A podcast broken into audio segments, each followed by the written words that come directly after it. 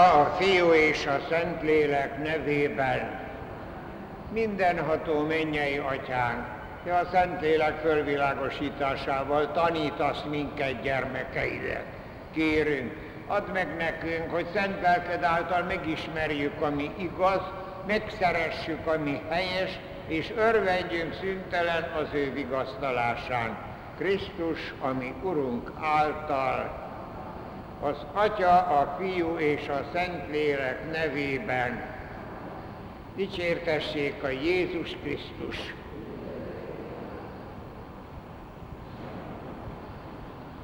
Szent János evangéliumát elemezve, ott vagyunk az utolsó vacsora történeténél, pedig az utolsó mozzanatnál, amit úgy szoktunk nevezni, hogy az Úr Jézus főpapi imája.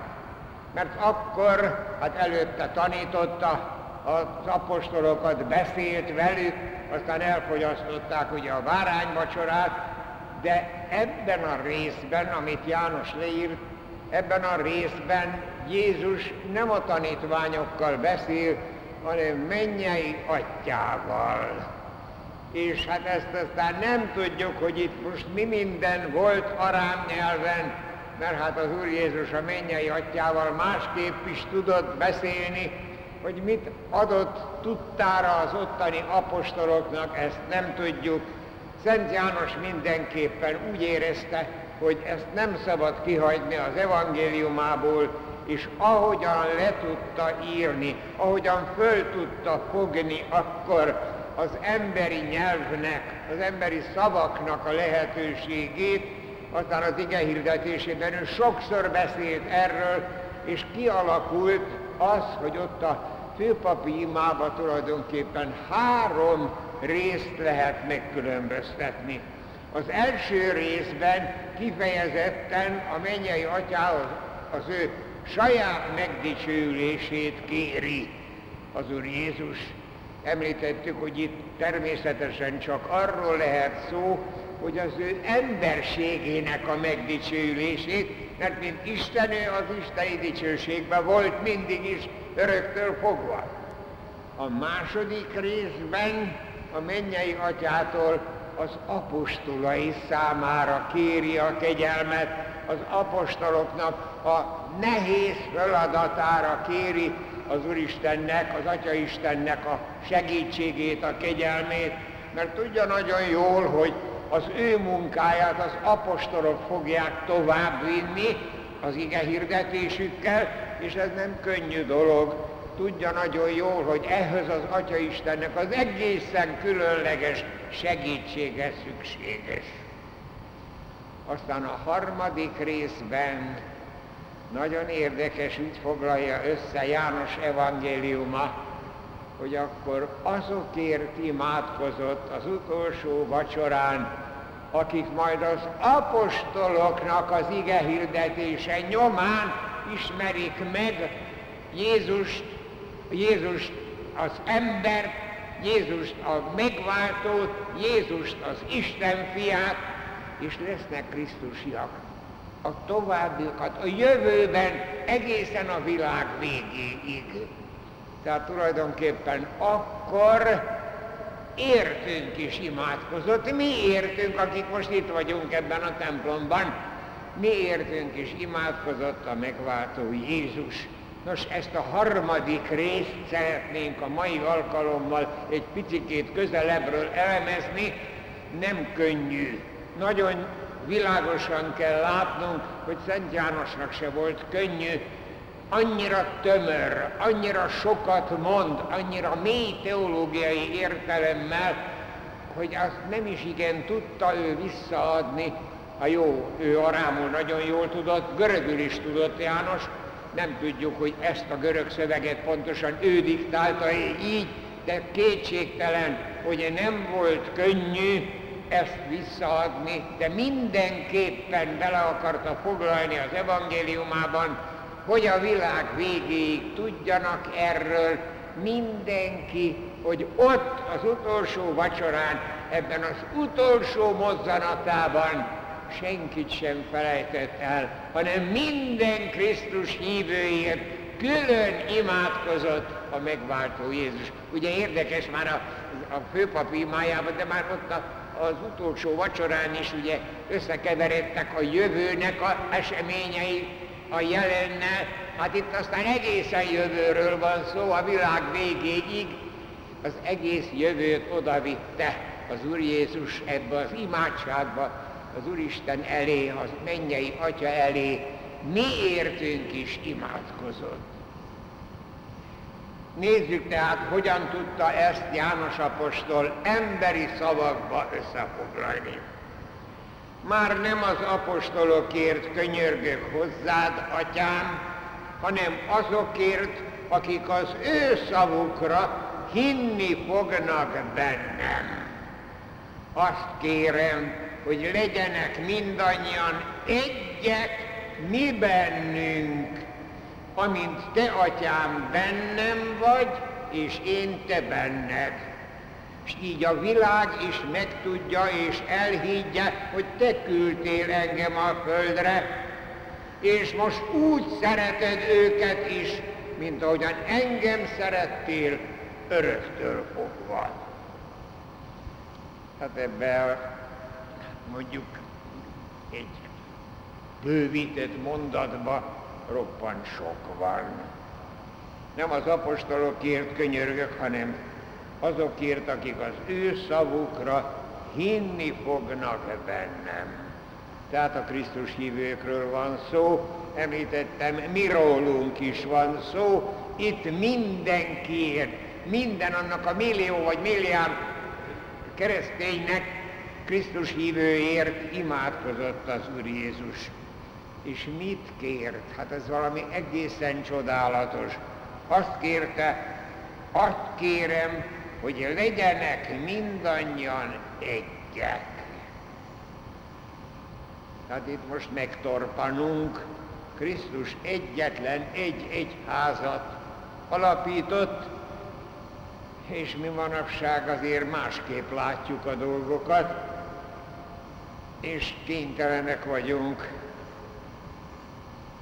elröstelkedni, mert az, hogy mi Krisztus hívők?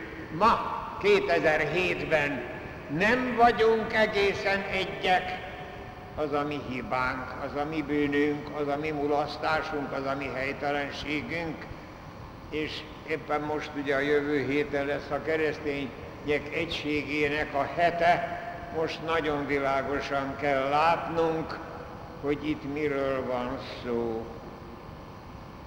De mindjárt a folytatást is hadd szabadjon mondanom, itt nem olyan egyszerű egységről beszélt az Úr Jézus, nem valami egyformaságról, hogy mindenki egyforma legyen a világ végéig, hogy csak egyfajta ő Krisztus hívő legyen, nem erről beszélt. Azt mondta, hogy egyek legyenek mi bennünk. Tehát az atyában és a fiúban. Tehát ez egy természet fölötti egység, ez nem egy egyformaság, ez nem egy uniformitás, ez egy természet fölötti egység. És ezt a természet fölötti egységét veszítettük el. És legyünk csak egy picikét világosan látók, hát ez a legelső időben is történt. Emlékezzünk csak vissza, Pálapostól már az első leveleiben is vesződik a tévtanítókkal, az apostolok cselekedetei világosan beszélnek, arról pedig a apostolok cselekedetei az egyház évnek az első 30 esztendejét tárják elénk, de már akkor voltak különböző tévtanítások, tévedések és szándékos hamisítások, szóval mindenféle volt, és ezt azért az, az, az egyház történelemben mi nagyon-nagyon szomorúan tapasztaljuk, hát az egyház, az egyetemes zsinatok az egyház történetben mindig az eretnekségekkel szembe az igaz hitet megszövegezték, az igaz hitet pontosították, nagyon-nagyon fontos, de így is tulajdonképpen a mai világban két nagy szakadásról tudunk. Az egyik 1054-ben, ugye a bizánci, a konstantinápolyi, a ortodoxoknak az elszakadása, a másik pedig a 16. század, 17. század, a nyugati egyház szakadás, a protestantizmus. De hogyha világosan látjuk, ezek az elszakadások tulajdonképpen, tehát az egységnek a, a megtörése tulajdonképpen mindegyik esetben a világi életnek a változásától függött, hogy így mondjam, politikai háttere volt. Hát az ortodoxoknak, vagy a pravoszlávoknak ugye mindegy, mert görögül ortodox, szlávul pravoszláv, igaz hitű, mi görög keletieknek mondjuk ezt a szakadást azt kezdeményezte, hogy a római birodalom a 6. században viszont elkezdett pusztulni, jöttek a népvándorláskori népek, és a római birodalom átköltözött Bizáncba, a római császár bizánci császár lett, és akkor a bizánci pátriárka, ugye Szent András igen, hirdette ott az igét, és annak az utóda a bizánci, a konstantinápai pátriárka. Mikor a császár oda került, akkor ő úgy érezte, hogy hát akkor a Rómának a politikai hatalma gyengült, tehát akkor nem a római püspök Krisztus egyházának a vezetője, hanem a konstantinápolyi pátriárka. És amikor nem tudtak megegyezni, nem tudták tisztán látni a dolgot, nem tudtak a politikai helyzettől egy kicsikét eltávolodni, akkor 1054-ben megtörtént a szakadás. A római egyház és a keleti egyház elszakadt egymástól. Tulajdonképpen a hit tartalma majdnem ugyanaz, hiszen az ortodox és az első nyolc egyetemes zsinatnak a tanítását elfogadják. Egy kicsikét keleti módon értelmezik, mondjuk a külsőségekben, a szertartásokban egy kicsikét másképp iparkodnak követni, de elfogadják. Viszont nem fogadják el a Krisztus hívőknek az olyan egységét, hogy egyetlen fejük van a római pápa. A másik ilyen nagy szakadás, nagy változás, az meg hát később volt a hituítás korában, de ott is politikai valami volt. A germán törzsek, vagy a germán választó fejedelmek nem tudtak az itáliai déli világgal teljesen egyenesben jönni, és hát a déli világnak is megvolt a politikai, hát ugye a római, az egyházi államnak olyan óriási hatalma volt, aminek a veszedelme természetesen a vallásra is kihatott, és ez, itt is egy olyan változás történt, tulajdonképpen csak egy megújítást akartak a protestáns felekezet alapítók, de aztán ugye egy deformáció kezdődött, és azóta ugye vannak a hitújításkori protestáns testvéreink. Mi most a nagyon érdekes, 1909-ben történt egy nagy fölismerés, különösen a missziós területeken, ahol botrány volt, a szó szoros értelmében botrány volt, a benszülött, tehát az ottani helyi pogány népeknek, ugye a Krisztust hirdették, itt hirdették a katolikusok, ott hirdették a protestánsok, és mindenütt azt mondták, a másikhoz ott ne menjenek, mert ott azok eretnekek, ne menjenek ide, mert ezek eretnekek. Szóval botrány volt erős tulajdonképpen a misszionáriusoknál, és ezt az amerikai protestáns testvéreink vették tulajdonképpen először nagyon komolyan, és akkor elkezdték valamiképpen az egységnek a gondolatát, persze hozzá kell tenni azt, hogy akkor, amikor elszakadtak Rómától, akár az ortodoxok, akár a protestánsok, ennek a szakadásnak aztán olyan következménye volt, hogy tovább osztódtak. Hát az első elszakadás nem csak a konstantinápolyi pátriárka, hanem a hat ősi patriárkátus, az antióhiai, az alexandriai, az evezusi, ezek aztán utána keletkeztek még hat, tehát 12 patriárká, patriárkátus van, és ezek nem tudnak kiegyezni egymással. Most már 260 év óta nem tudtak egy közös szinodust összeállítani. De ugyanígy vannak a protestáns testvéreink is. Hát Amerikában már 256 féle protestáns felekezetet ismernek, hát ugye ott vannak prezbiteriánusok, és hát mindenfélék vannak, Szóval a Rómától való elszakadásnak ezek a következményei, de ez mind az emberi gyarlóságból, az emberi bűnökből, hát politikai háttérből, vagy hatalmi háttérből következik, és mindenképpen ellene van az Úr Jézus gondolatának, aki ott az utolsó vacsora, utolsó mozzanatában imádkozott azokért, akik a világ végéig Krisztus hívők lesznek, hogy egyek legyenek. De ez az egység nagyon érdekes, mert hozzáfűzte János evangelista, egyek legyenek mi bennünk, ahogyan te, atyám, bennem vagy, és én te benned. Hát ez az Szent Háromságnak a misztériuma, ez isteni misztérium, tehát egy ilyen isteni egységre kell nekünk valamiképpen eljutnunk, hát ehhez csak is az Úr Jézusnak az imádsága, az Úr Jézusnak a kegyelme. Na de a megváltás ezt lehetővé tette, csak a mi gyatraságaink aztán hozták ezeket a következményeket, és ezért van nagyon nagy jelentősége annak, hogy ugye említettem, hogy 1999-ben a missziókban nagyon érezték, hogy milyen botrány, hogy többféle keresztény van, és aztán később a tizedik Pius pápa is csatlakozott ehhez, és most már 93 esztendeje minden felekezetben, tehát reformátusoknál, evangelikusoknál, baptistáknál, unitáriusoknál.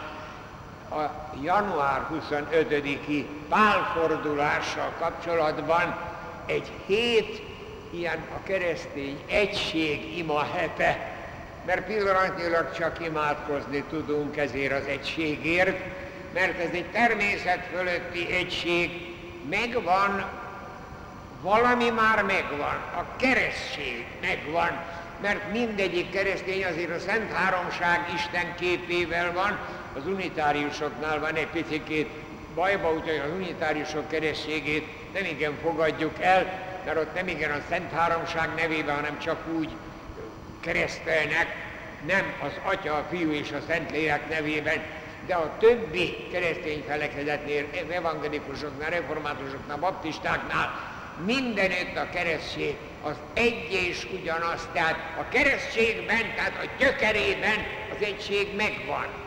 De a leg, legfontosabb, a legnagyobb kincs az Eucharisztia, az eucharisztikus áldozat, a Szent Mise.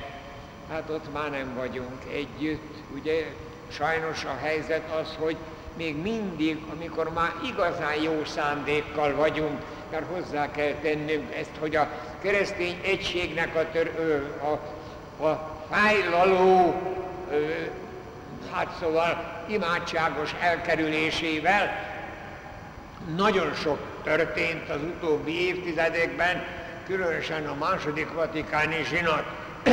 Óriásit lépett, hát például megtar, megtiltotta azt, hogy eretneknek vagy szakadárnak nevezzük ezeket a nem római katolikus testvéreinket, ők is testvéreink a keresztségben, hihetetlen sokat jelentett, hogy a második vatikáni zsinat a párbeszédet hangoztatta, be kell vallani azért ö, őszintén, hogy a második vatikáni zsinat sokkal nagyobb lépésekbe közeledett az egységhez, mint ahogyan a protestáns testvéreink, vagy az ortodoxia közeledett volna a katolikusokhoz. Ez bizonyos mértékben érthető, a kisebbség mindig félti a maga függetlenségét, Pedig itt nem arról van szó, hogy szűnjön meg valami és olvadjanak össze, hanem minél inkább közelebb vagyunk a mi megváltó Krisztusunkhoz. Ezt a, a második vatikáni zsinaton használták ezt a hasonlatot. Az olyan, mint egy kerék. A keréknek a küllői minél közelebb vannak a központhoz, a tengelyhöz, annál közelebb vannak egymáshoz. Minél távolabb vannak a központtól, annál távolabb vannak egymástól is. Így vagyunk mi is, keresztények.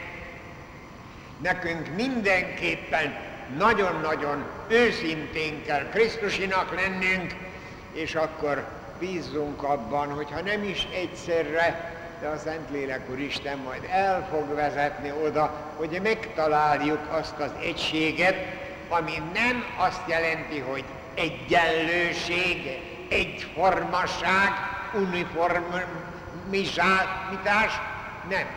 A sokféleségben is az egység.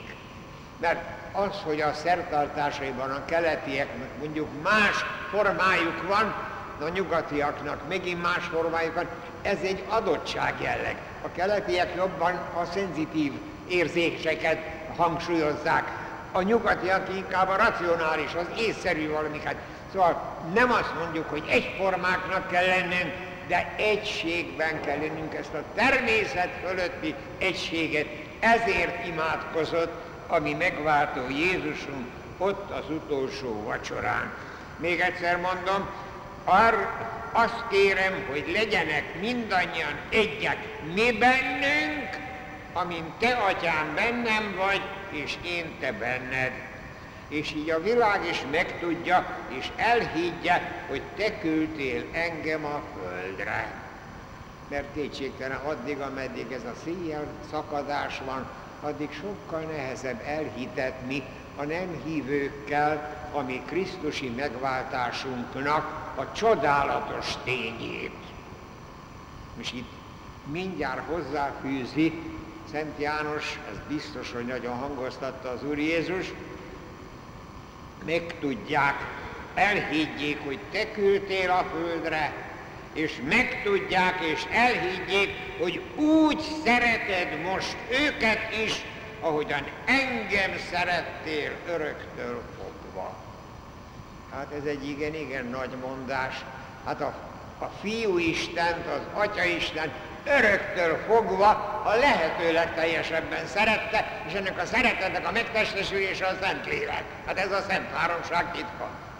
Tehát nekünk a Szent Háromságba kell beleépülnünk lelkileg, ezt mondja ez a mondat, hogy úgy szereted őket, ugye megint elővételezte a megváltást, elővételezte a kereszthalált, mert addig még nem voltunk mi olyan kedvesek az Úristennek, hát elszakadtak tőlünk, de a kereszthalálában, a megváltással újra Isten gyermekeivé váltunk, tehát újra benne vagyunk az Istennek az atyai szeretetébe, és hát ez csodákat művel bennünk, hogy igen, a szereteted, hogy úgy szereted őket, ahogyan engem szerettél öröktől fogva.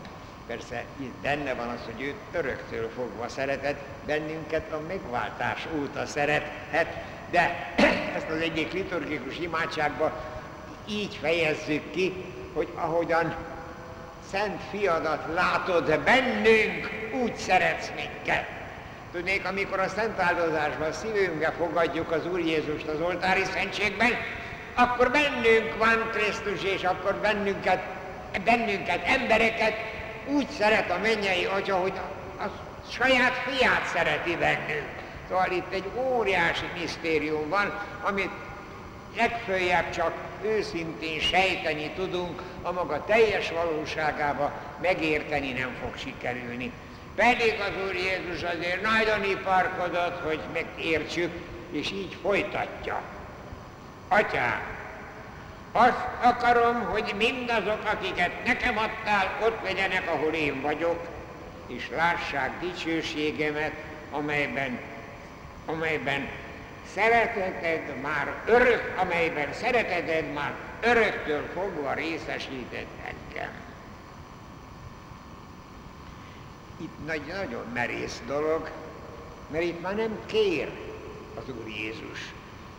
Ugye megint az a helyzet, hogy elővételezi a megváltásnak a, a kereszt halálát, tehát hogy a kereszt halállal történt a megváltásnak, a föltámadásával, a megváltásnak a záró aktusa, ez az Atya küldetése volt. Ezt kellett elvégezni az Úr Jézusnak. Most elővételezi ezt, hogy igenis megváltottam a világot, és most már én nem kérek semmit se, én most már akarok. Egyedül itt szerepel így, Atyám, azt akarom, hogy akiket nekem adtál, tehát akik hisznek bennem, mert hiszen azért itt vigyázni kell, mert azért az egész világon, ugye tudjuk nagyon jól, hogy a megváltás az nem olyan egyszerűen történt, erre többször szoktam utalni, de hadd mondjam csak nagyon röviden, Ádámmal rászakadt az édenkertnek a boldogsága és minden. Ugye ezt aztán a bűnükkel elveszítették, aztán slusz. A megváltás nem szakad rá az egész emberiségre, hanem csak az, akiket, akik hisznek Jézus Krisztusban. Tehát akik hívők, igen, ám csak azoknak viszont egy olyan nagy lehetőségük van, hogyha szándékos, súlyos bűnökkel, bűnükkel elveszítik ezt az Isten kapcsolatot, vissza tudják szerezni a bűnbocsánat szentségében. Az Ádámnak ez nem volt, meg Évának nem volt, Ugye őket csak a föltámadás után a pokol tornácáról vitte az Úristen a mennyországba. Mert ő neki az a feladata és az a kívánsága, hogy akiket nekem adtál, ott legyenek, ahol én vagyok, és lássák a dicsőségemet. De ez a látás, a dicsőségnek a látása, ez a legnagyobb boldogság, ez a legnagyobb kiemeltség, ez már nem földi dolog, ez már egy misztérium. Az égnek a boldogságát, ezt mi föl nem tudjuk fogni itt a földön, és ebben képes ezt mondani az Úr Jézus, amelyben a szereteted öröktől fogva, amiben én engem részesítettél, ezt a dicsőséget lássák őt is, tehát valamiképpen eléjük táruljon ez a dicsőség. És most a folytatás is nagyon érdekes. Én igazságos atyám. A világ nem ismert téged, én azonban megismertettelek velük, és most már tudják, hogy te küldtél engem. De ezek után is megismertetlek az emberekkel, hogy az a szeretet, amelyel engem szeretsz, bennük legyen, mint ahogyan én is bennük vagyok. Hát ebben a két mondatban is nagyon sok minden van. Az eleje is mindjárt furcsa. Én igazságos atyám. Ez is egyedül itt szerepel így, de már megint azt kell mondanom, hogy elővételezte a megváltás befejezettségét az Úr Jézus, mert akkor már a megváltott világ, tehát az Krisztus megváltásával megváltott világnak már az Úristen igazságosan adhatja az örök életet, a boldogságot, igazságosan adhatja, világos, hogy ez az ő irgalmas szeretetéből fakad, de a megváltás után már az ő igazsága az irgalmas. Mert az Úr Jézus megváltotta az emberiséget. Az irgalmas szeretetével elküldte a földre, az Úr Jézus a megváltás nagy áldozatával megszerezte a világnak a megváltást, most már az Isten igazságos lehet az irgalmában. Szóval ezt is olyan nehéz megérteni, az igazságot és az irgalmasságot, hogy az Úristenben megvan az igazság, de bele kell kalkulálni az Úr Jézusnak a megváltását. Én igaz Isten. A világ nem ismert téged, de én megismertettelek. Megismertettelek velük, és most már tudják, hogy te küldtél. Hát ebbe ugye az ő egész missziója benne van, ebbe a mondatba, hogy az Úristen küldte le egyszülött fiát, hogy megoldja az emberiség tragédiáját, a bűnbe esett emberiségnek ezt a szörnyű állapotát.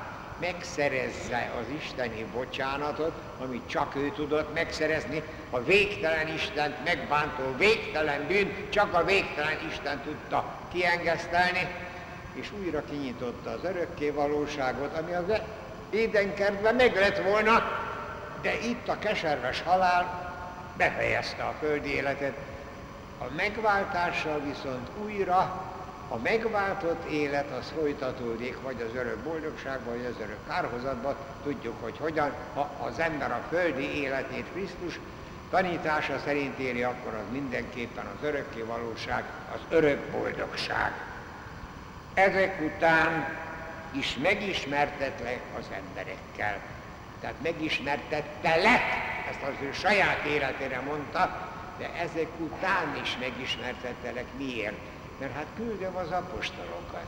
És az apostolok az utódaikat felszentelik, és ez megy tovább az apostoli egyházban. Az egyház folytatja a megváltásnak ezt a művét, folytatja a történelem folyamán, és itt arra utal, hogy azt is én csinálom, Krisztus egyháza hirdeti a megváltást, bele kapcsolja a megváltásba a keresztség szentségével, az ige hirdetéssel, a szentségekkel, belekapcsolja a Krisztusi megváltásba egészen a világ végéig. Hát ezt is Krisztus teszi, nagyon aranyos, hát ugye azt már régen mondták az egyházatják, hogy nem a pap keresztel, hanem Krisztus keresztel.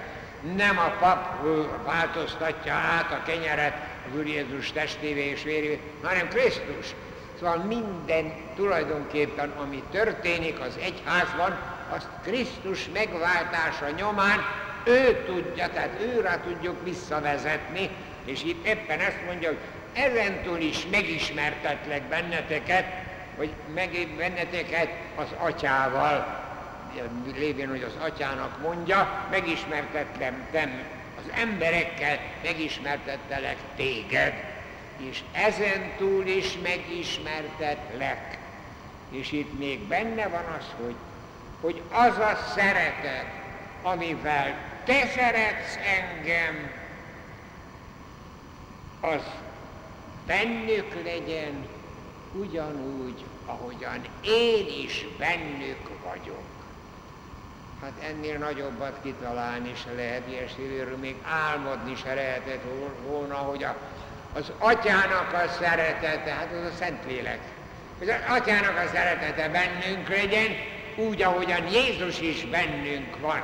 Hát gondoljuk csak meg, a keresztség szentségében vízzel és szentlélekkel keresztelünk, ezt már keresztelő János mondta, akkor eltölti a lelkünket a Szentlélek, és addig, ameddig szándékos, súlyos bűnnel ki nem űzzük a lelkünkből, addig bennünk van a lélek, és irányít, és sugal, és, és intézi.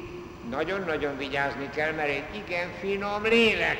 Nem gorombáskodik, nem parancsol, nem kényszerít senkit se, csak irányít, csak erősít, csak vigasztal. Szóval azért kell jóba lennünk a bennünk lévő szent lélekkel. De ugyanakkor az Úr Jézus is, hát az utolsó vacsorán itt hagyta magát, az, az utolsó vacsora kenyerében és borában. Szóval ez valami olyan óriási dolog, ami Krisztusi hitünkbe, hogy mi tulajdonképpen az Úristennek a szeretetében vagyunk, és ez az egész világra érvényes, de ne felejtsük azt el, ugye azok, akik, akikhez elérkezik a ige hirdetés, akiket nekem adtál, tehát akik hisznek bennem, tehát a világnak az a része, aki a Krisztusi hitet éli, az ennek a mondatnak a csodálatos valóságát élvezheti. Abban benne van az Atya szeretete, a Szentlélek, és benne van Krisztus a megváltó hatalmával, tehát aznak, aznak számára is a, bűnbocsánat megvan, és az örök élet megvan. Szóval ezek ténylegesen nem könnyű. Szent Jánosnak az evangéliumában ez a legnehezebb részlet, amit hát elemezni lehet. Nem könnyű, de sejtenünk kell, hogy ő sem tudta jobban, ügyesebben kifejezni magát. Most ezek után hadd szabadjon az egészet fölolvasnom, ön folyamatosan észre fogjuk venni, hogy ez egy csodálatos részlete a Szent János evangéliumának. Már nem az apostolokért könyörgök hozzád, atyám, hanem azokért, akik az ő szavukra hinni fognak bennem. Azt kérem, hogy legyenek mindannyian egyek mi bennünk, amint te, atyám, bennem vagy, és én te benned.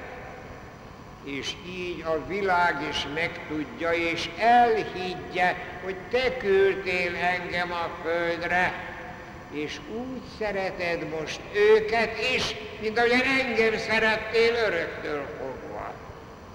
Atyám, azt akarom, hogy mindazok, akiket nekem adtál, ott legyenek, ahol én vagyok, és lássák dicsőségemet, amelyben szereteted már öröktől fogva részesített engem. Én igazságos atyám, a világ nem ismer téged, én azonban megismertettelek velük, és most már tudják, hogy te küldtél engem.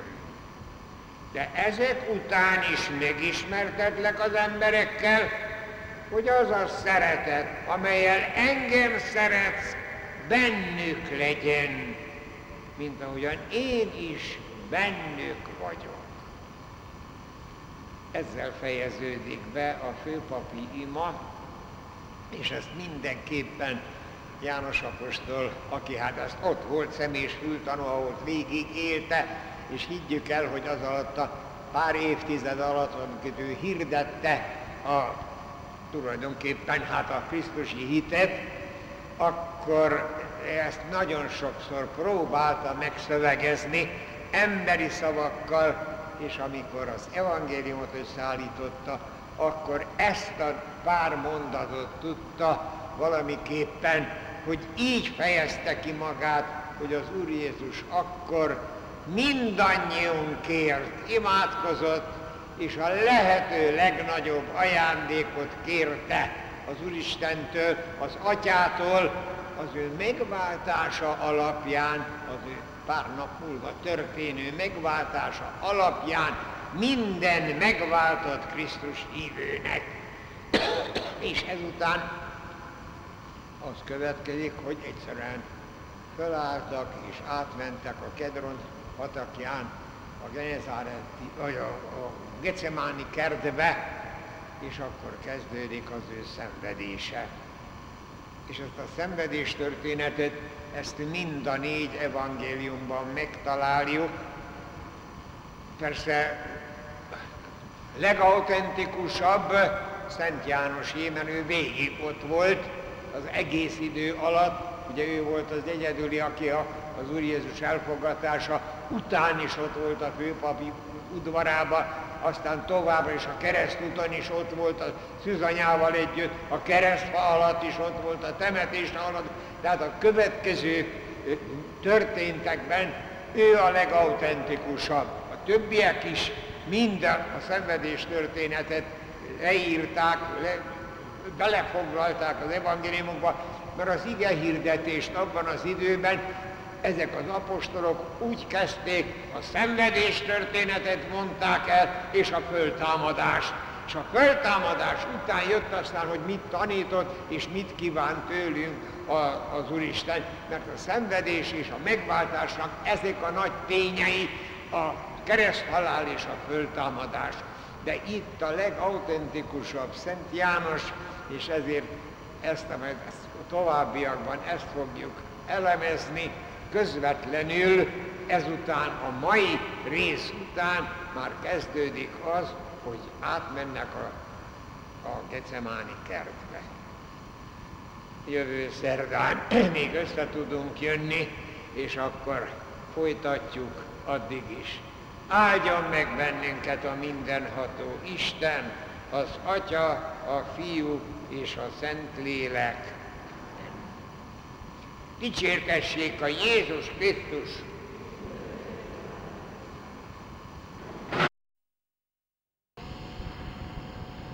Az Atya, a Fiú és a Szentlélek nevében mindenható mennyei Atyánk, Te a Szentlélek fölvilágosításával tanítasz minket, gyermekeidet, kérünk. Add meg nekünk, hogy szent lelked által megismerjük, ami igaz, megszeressük, ami helyes, és örvendjünk szüntelen az ő vigasztalásán. Krisztus, ami Urunk által, az Atya, a Fiú és a Szentlélek nevében dicsértessék a Jézus Krisztus. A múlt alkalommal befejeztük Szent János evangéliumának azt a részletét, ahol ő az utolsó vacsorát nagyon részletesen, legrészletesebben mind a négy evangélium között leírta, hát hiszen személyes tanúja volt. Következik a 18. fejezetben a szenvedés történet. Ez mind a négy evangéliumban szerepel, hiszen az ige hirdetésnek a lényege a megváltás volt, és a megváltás tulajdonképpen Krisztus szenvedésével, kereszthalálával és föltámadásával valósult meg. Tehát ezzel kellett kezdeni, hogy a kereszténységnek a nagy újdonságát az Ószövetséggel szemben, ugye az Ószövetségben nem volt megváltás, az új szövetségben Jézus Krisztus megváltása adott nekünk új életet, Isten gyermeki életet. Ezzel kezdték mindig az ige hirdetést, egészen természetes, hogy ez az összes evangéliumokban szerepel. De itt is érdekes, ezt észrevettük már az eddigiek során, hogy Máté is, meg Lukács is a csodákat például felsorolja, elmondja, hogy kik kérték, hogyan történt.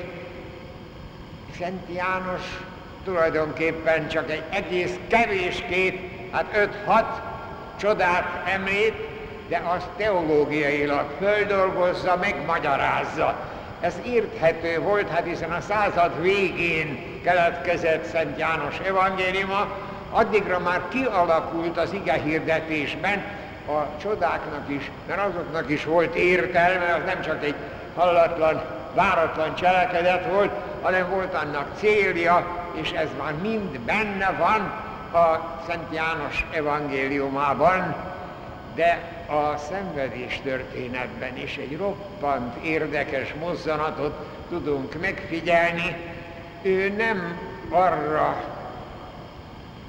helyezi a hangsúlyt, hogy ott milyen szörnyűséges szenvedések voltak, akár ugye az elfogatásnál, akár a kihallgatásnál, akár a megostorozásnál, akár a kereszthordozásnál, vagy magának a kereszthalálnál. Jó, ezekről beszél, de nagyon érdekes, mindenütt azt hangsúlyozza, hogy Jézus Krisztus akkor is Isten volt.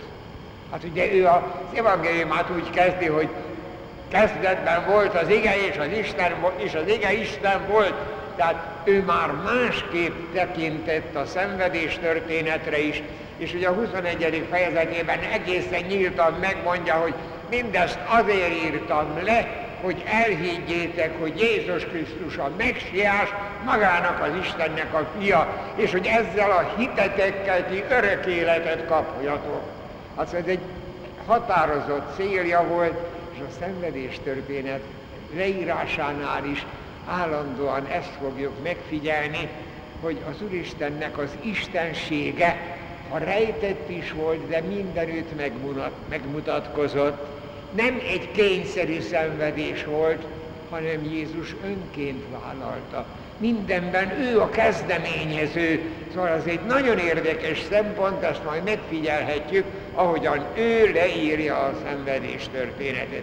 Aztán azt is megfigyelhetjük, hogy olyasmiket, amik hát mindenki előtt világos volt, azt egyszerűen nem írja meg. Hát ugye emlékezzünk vissza a utolsó vacsorának a történetébe, egyszerűen nem szerepelt a kenyérnek és a bornak a csodája. Miért? Hát az első század végén már nem is kenyértörésnek nevezték az utolsó vacsora emlékének az ünnepését, hanem eucharisztikus áldozatnak nevezték, hát azt élték, nem volt arra szükséges, hogy arról írjon Szent János.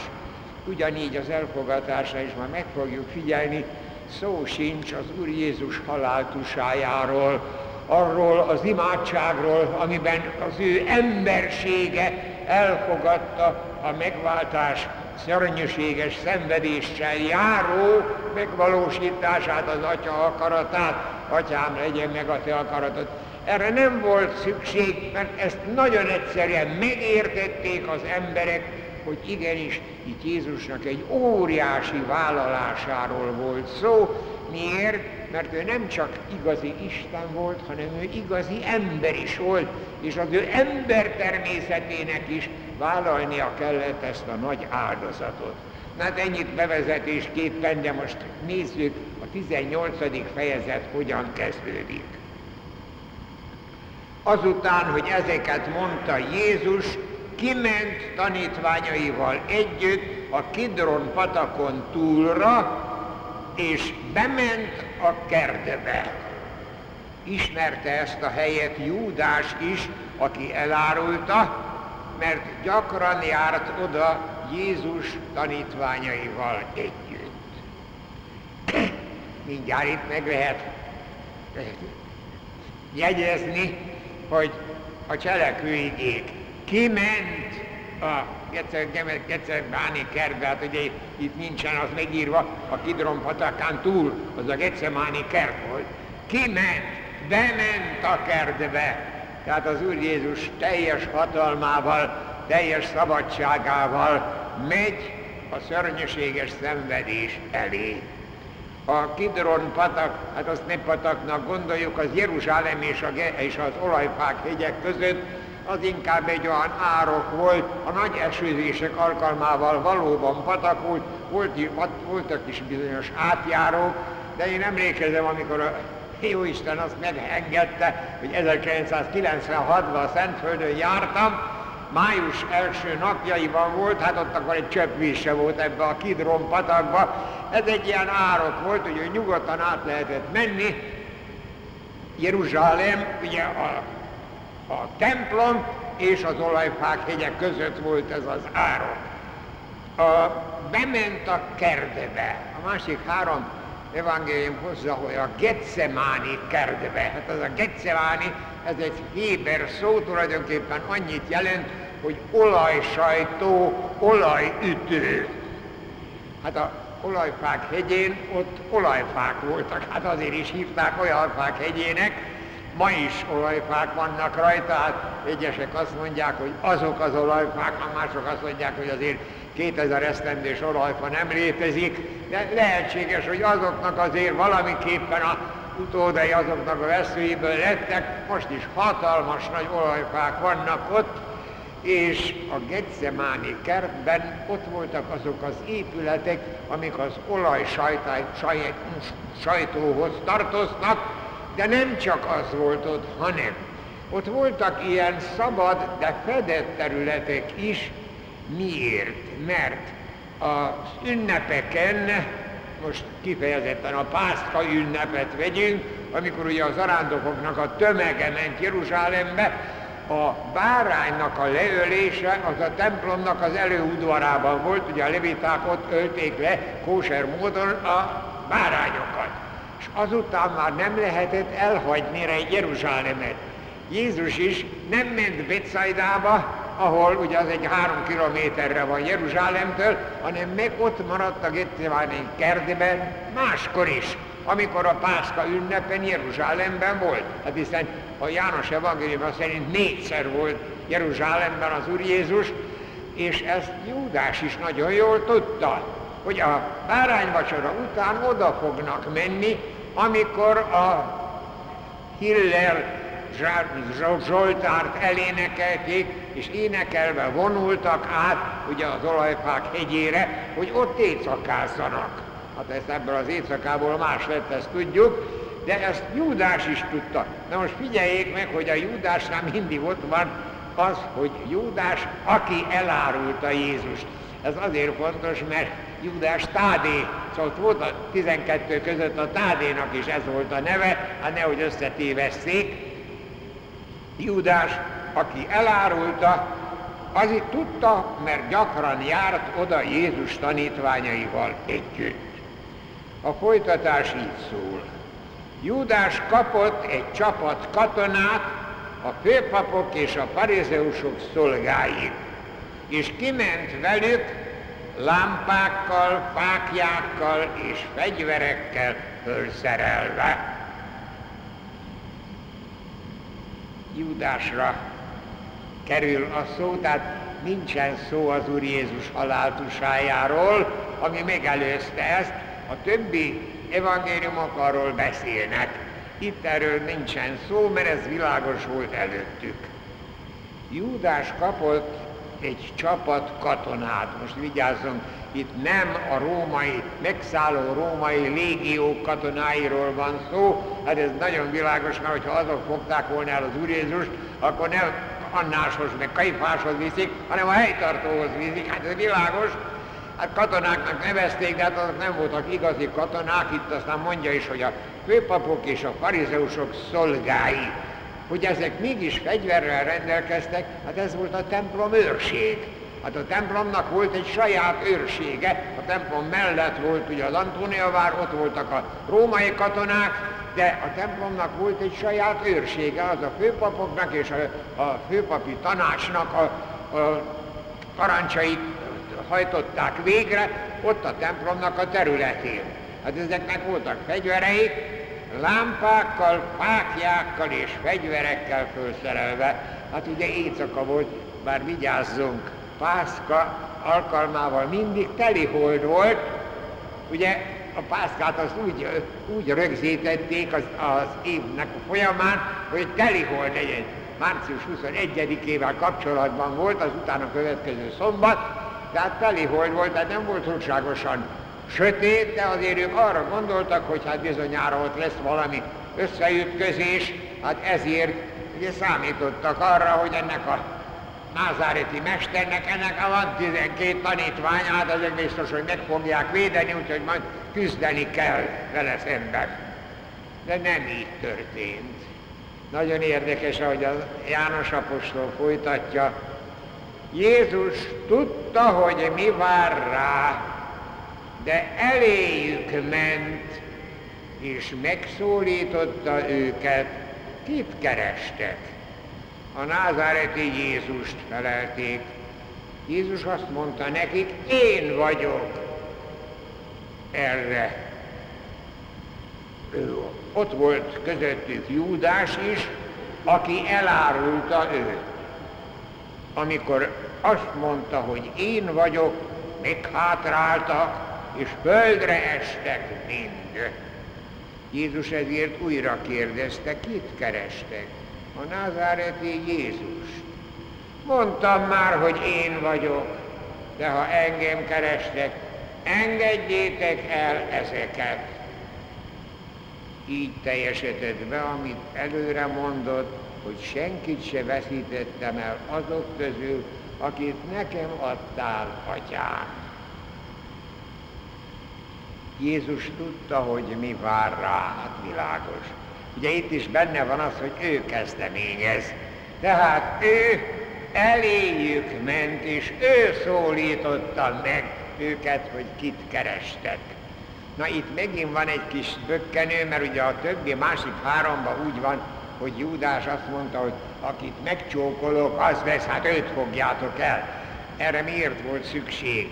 Tudnélik, a 12 tanítványok közül a Júdás Tádé, az nagyon hasonlított, tehát az unokatestvére volt az Úr Jézusnak, nagyon hasonlított rá, és attól féltek, hogy esetleg összetévesztik azok a, a főpapi tanácsnak, meg a farizóknak a szolgáját, azok nem voltak olyan beavatott emberek, azért mondta Júdás, hogy akit ma megcsókolok, ő az. Itt János ezt kihagyja, és egyszerűen azt mondja, hogy Jézus elévük ment. Kit kerestek? Nagyon jól tudta, hogy kit keresnek, de ő kezdeményez. Nagyon fontos. A názáreti Jézust. És Jézus akkor azt mondja neki, én vagyok. De most itt ne felejtsük el, ez, hogy én vagyok az Óhéberben, így hangzik, hogy Jahve, és Mózesnak a csipkebokorban az Isten mondta azt, mikor kérdezte, hogy mi a neved, akkor azt mondta, hogy az én vagyok, aki vagyok, Jahve. Tehát akkor, amikor az Úr Jézus ezt mondta, hogy én vagyok, akkor ez egy ugyanaz volt, mint hogyha azt mondta volna, hogy az Isten. És erre megtöbbentek, és hát egyszerűen földre estek még ezek a fegyveres katonák is. Az Úr Jézus a János evangéliumban, ha emlékezünk rá, 14-szer mondta azt, hogy én vagyok.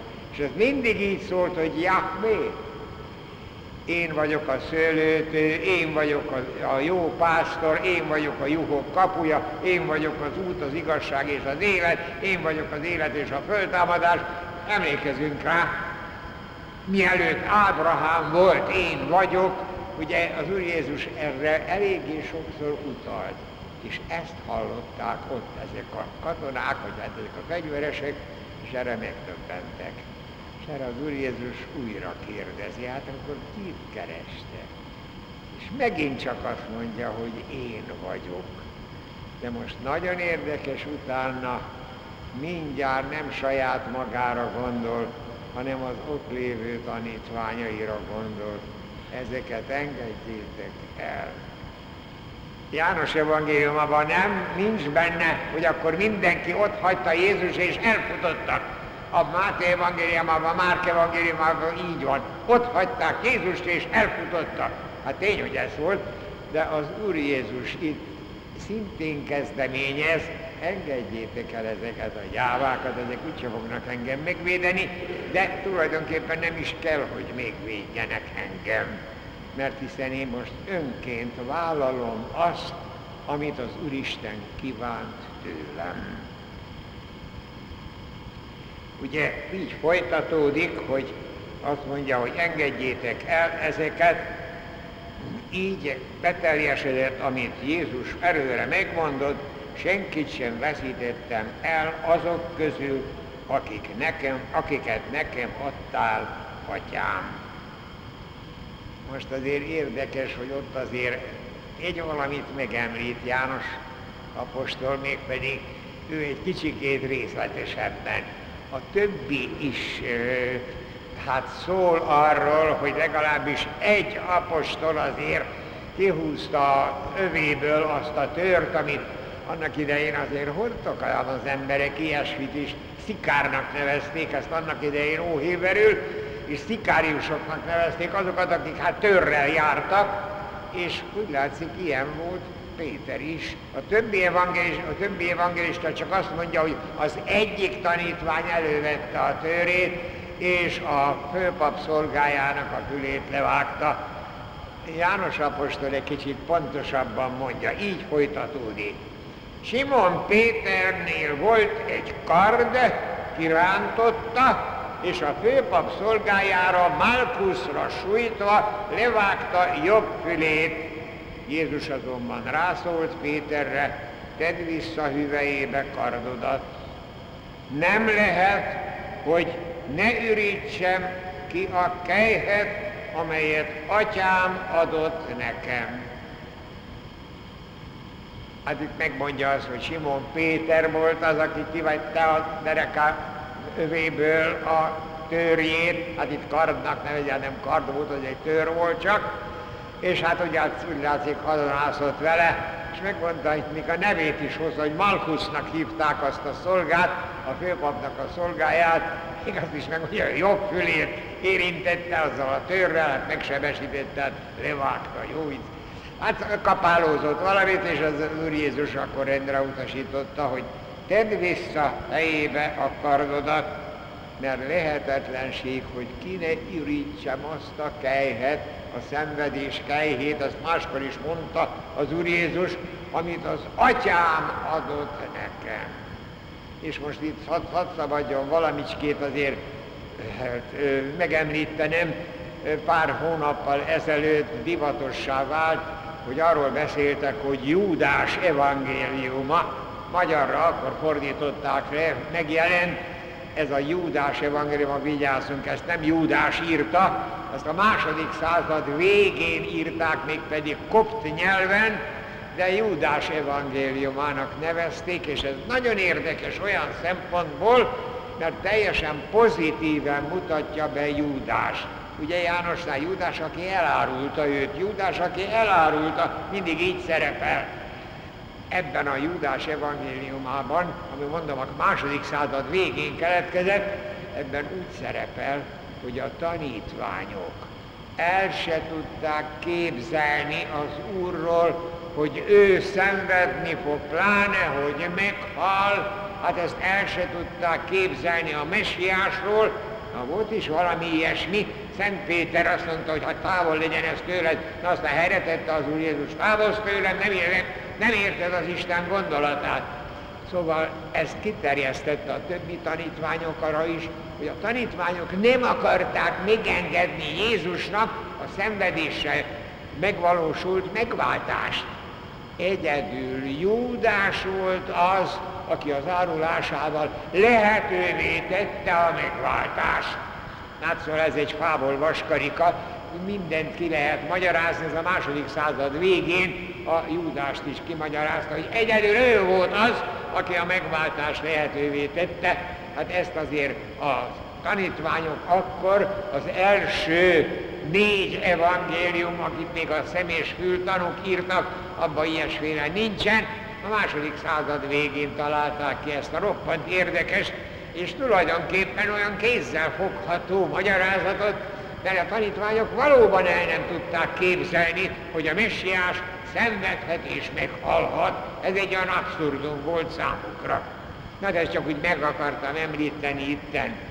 Tovább megyünk.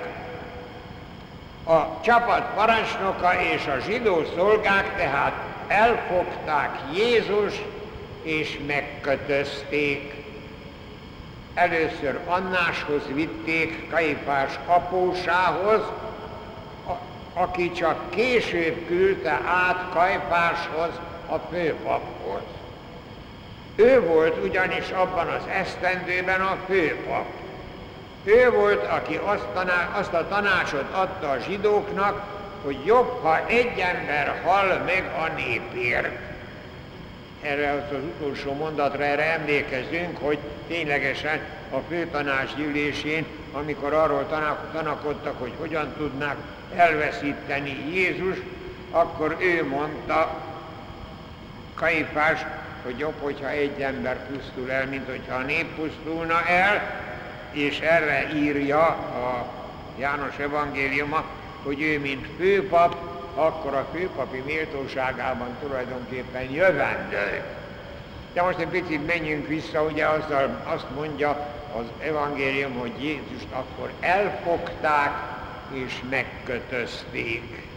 Tehát képzeljük el, hogy hogyan kellett Jánosnak ezt leírnia, hogy megkötözték Jézust, a kezét összebilincselték, azt a kezet, aki a gyermekeket megsimogatta, aki csodát művelt a kezével, amikor megérintette a betegeket, az a, azt a kezet, ami mindig fölfelé mutatott az Úristen felé. Szóval ez azért szörnyűség volt ilyesmit leírni, de hát ez volt a megváltásnak a megvalósulása, ezeken keresztül kellett menni, de ebben tulajdonképpen itt az előző előzményekben látjuk, hogy Jézus volt mindig a kezdeményező. Most egy picit érdekes lehet, hogy Annáshoz vitték, akkor késő este volt, ez ugye a sötétedés után, Annáshoz vitték, aki tulajdonképpen apósa volt Kaifásnak, az akkori főpapnak. Na most, ezt másonnét is tudjuk, Quirinus Szíria helytartója nevezte ki főpapnak Annást. Aztán kilenc évig ő volt a főpap, és Josephus Flavius, a történetíró zsidó azt írja, hogy egyetlen egy főpap sem volt, akinek olyan nagy hatalma volt, hogy öt gyerekét, a vejét és egy unokáját is főpappá tette. Szóval olyan protekciója volt a hatalmasoknak, a prokurátoroknak, a helytartóknak, mert akkor azok nevezték ki a főpapot.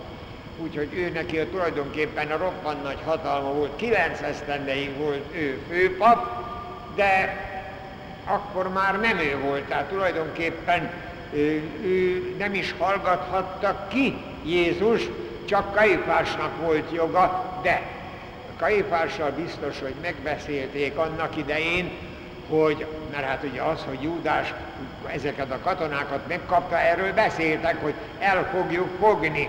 Igen ám, Kajfásnak a főpapi tanácsot össze kellett hívnia, de ő csak reggelre tudta összehívni a főpapi tanácsot, hát addig este elfogják Jézus, addig legyen Annásnál, és Annás tapogassa ki, hogy hol lehet belekötni ebbe az emberbe, hogy halára lehessen ítélni.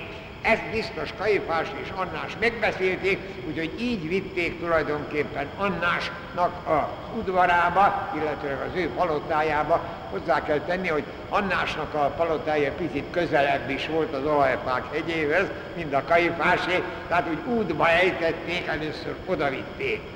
Na azt aztán később fogjuk tudni, hogy János apostolnak itt egy óriási szerencséje volt, mert a főpapi tanácsnak, tehát Annásnak is, meg Kaifásnak is a Zebedeus féle halásztársaság, tehát Jánosnak és Jakabnak az édesapja, az volt Zebedeus, ugye Betsaidában, az a halásztársaság küldte mindig a halakat. Úgyhogy ő ismerős volt a Kaifás főpapnak az udvarában, meg az Annás főpapnak az udvarában is, mert ugye a továbbiakban most az lesz, hogy most mindenki eltávozott, csak János és Péter kísérte az elfogott Jézus egészen Annásnak az udvaráig. Ha nézik ezt, aztán majd ezt a következő alkalommal fogjuk ezen, fogunk ezen egy picit elelmélkedni, most azonban azért egyet gondoljunk meg. Mi úgy, hát egy picit őszintén elítéljük az apostolokat, hogy azért könyörgöm hitványak voltak, mert, mert ugye három évig együtt voltak az Úr Jézussal, hallották a csodálatos tanítását, látták azokat a káprázatos csodákat, amit tett. Hát a vak látott, a béna elindult, a leprások megtisztultak, még halottakat is föltámasztott, a Lázárt, meg a Naimi Szóval ezek után hogy lehetett ott hagyni az olajfák hegyén ezt a mestert minden további nélkül, hogy a kisújukat sem mozgatták, hát egy a Péter elővette a tőrét, a hadonászott vele, slusz, de pedig gondoltak rá, hát azért mentek fegyverekkel, ugye az, a Júdásnak a kísérői, az elfogói, és tulajdonképpen simán tudták elfogni a Jézust. És ezek a csodálatos tanítványok, akik aztán az első pünköstkor úgy megváltoztak, hogy a vérüket adták a Krisztusi hitüknek, és állandóan igét hirdettek és evangelizáltak, ezek ott, tehát ugye hitványok voltak. És nekem olyan sokszor eszembe jut, hogy azért nem szabad ám ezeket elítélni, mert akkor saját magunkat is elítélhetjük, mert mi is olyan sokszor úgy vagyunk, hogy igen, hát szóval gondolunk, és nagyon jókat akarunk csinálni, aztán amikor arról van szó, hogy csináljunk valamit, akkor gyávák vagyunk, akkor hitványak vagyunk. Hát szabadjon csak egy példát elmondanom, akkor, amikor a tavalyi évben az első választásnak a második fordulója volt, az virágvasárnap volt, én előtte három napon Szexárdon tartottam egy nagybőti trídómat, a templomban, dugig tele volt a templom, minden, aztán vas, virágvasárnap történt a választás. De ott megdolgoztattak, mert a templomi elmélkedésen kívül még a pedagógusoknak, aztán a, a, a felsőbb iskolásoknak, aztán a szenioroknak, az időseknek, a nyugdíjasoknak is kellett tartani meg kis elmélkedést, aztán míg összejöttek a nyugdíjasok, az örökkék, addig én beszélgettem velük. És hát édes jó Istenkém, világos, hogy a ilyenkor hát beszélgetésben a választásról is szó lehetett. Az egyik fele az örökkéknek, mi nem megyünk el szavazni, minek elmenni. Hát hogy képtelen voltam, hát mondanom, ez nem szavazás lesz, ez választás lesz, itt felelősek vagyunk. Próbáltam a lelkemet kiveszélni, nem megyünk el szavazni. A másik fele, mi elmegyünk szavazni. De eddig is kommunista polgármesterünk volt, az az egyik 19, a másik egy 20, mi az MSZP-re szavazunk. Hát ott is a lelkemet kibeszéltem, semmiféle eredményem nem volt, pedig utána még tapsoltak az előadásom után, de az NSZP-re szavaztak. Ott voltak a templomba az elmélkedéseken. Szóval azért mi is tudunk ám olyanok lenni, mint ott az olajfák hegyén az apostolok voltak, csak én most arra kérem a Szentlélek Úristen, hogy mi is próbáljunk olyanok lenni, pontosan a Szentlélek Úristen kegyelméből, amilyenek az apostolok lettek az első pünkösd után. Ugye nekik az volt a keresztségük, hát mi már meg vagyunk keresztelve vízzel és Szentlélekkel, Szentlélek Úristen, tégy bennünket valóban tanúságtevővé az élet minden egyes pillanatában, ami Krisztusi hitünk mellett, amit mi kizárólag, ami megváltó Jézusunknak köszönhetünk, akinek a megváltásáról elmélkedünk most az elkövetkezendő időben is, a jövő szerdán folytatjuk, addig is áldjon meg bennünket a mindenható Isten, az Atya, a Fiú és a Szent Lélek. Dicsértessék a Jézus Krisztus!